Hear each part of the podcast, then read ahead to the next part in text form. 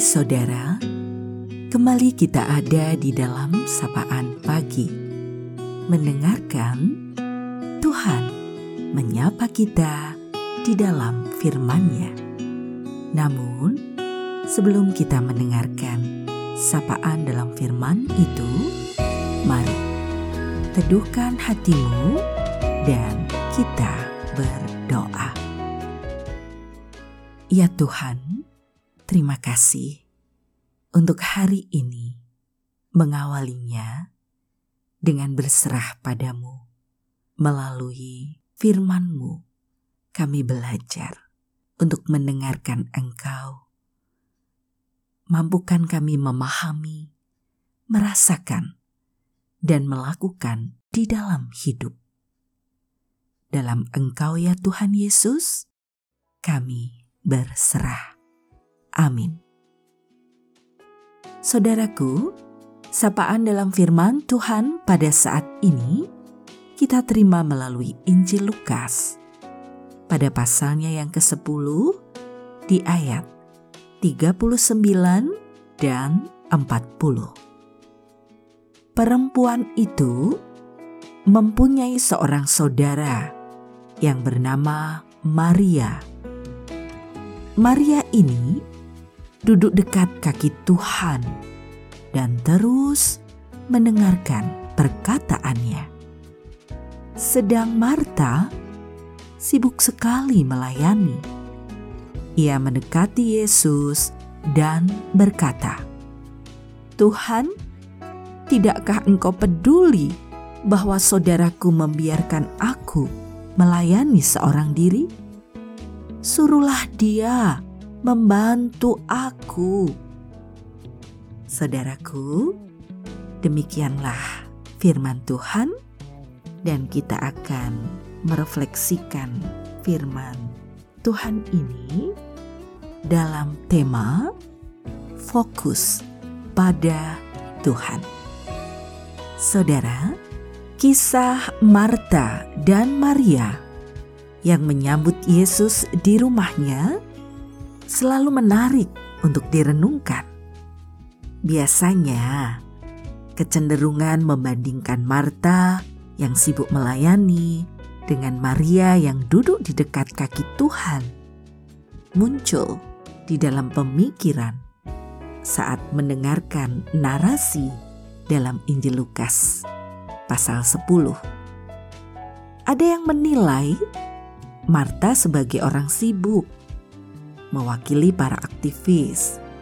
Sedang Maria, ia lebih menunjukkan pribadi yang kontemplatif, mendengarkan Tuhan, dan banyak berdoa.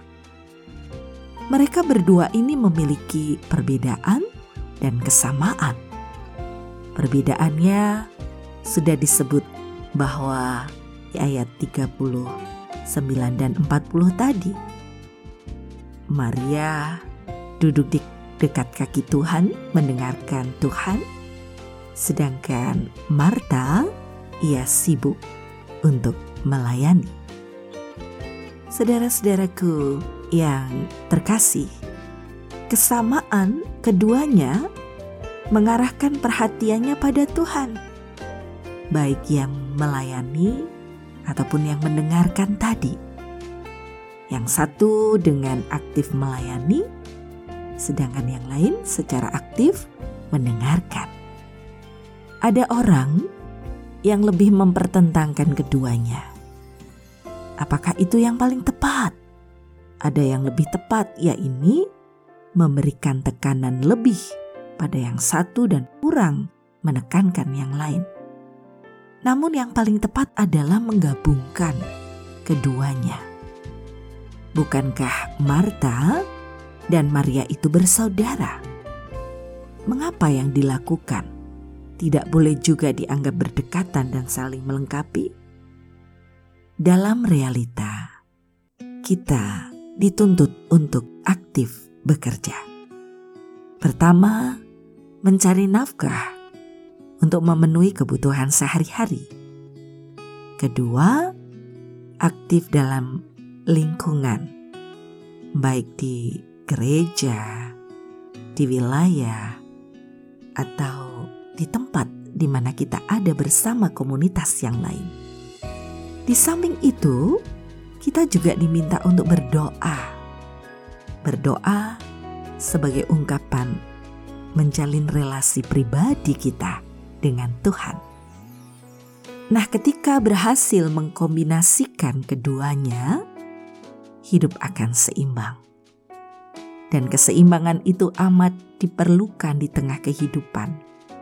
Keseimbangan itu juga amat diperlukan di tengah masyarakat yang sibuk bekerja dan lupa berdoa. Ada pula yang berdoa saja tetapi mengabaikan tanggung jawabnya.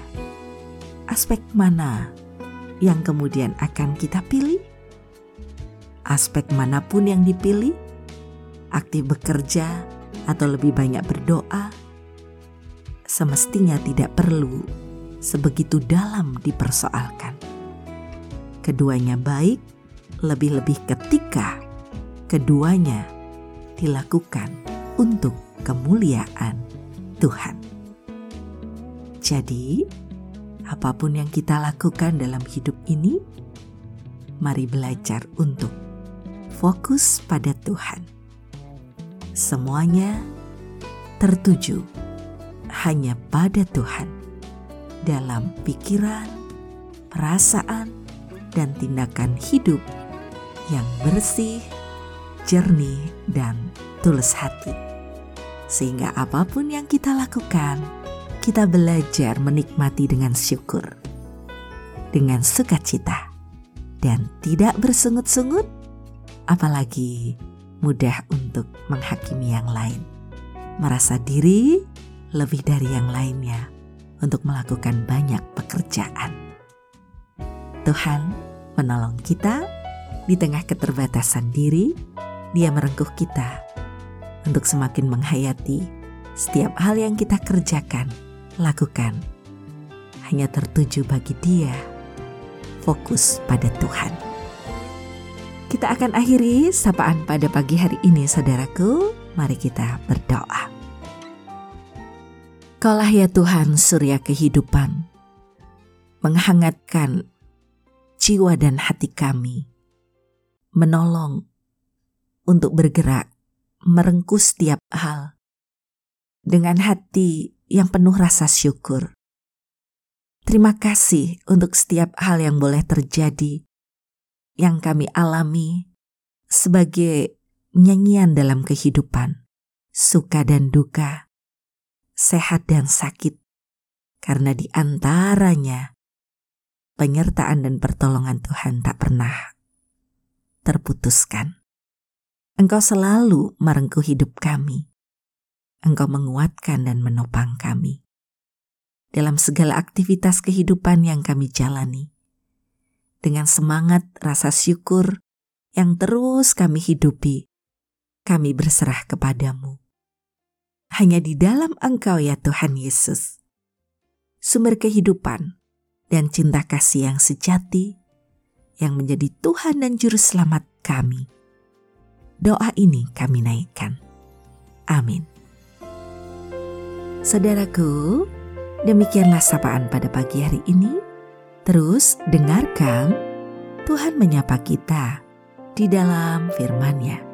Saudara bersama saya, Esti Widya Stuti, Pendeta Jemaat Gereja Kristen Jawa Pakem, ada di lereng Gunung Merapi. Tuhan memberkati.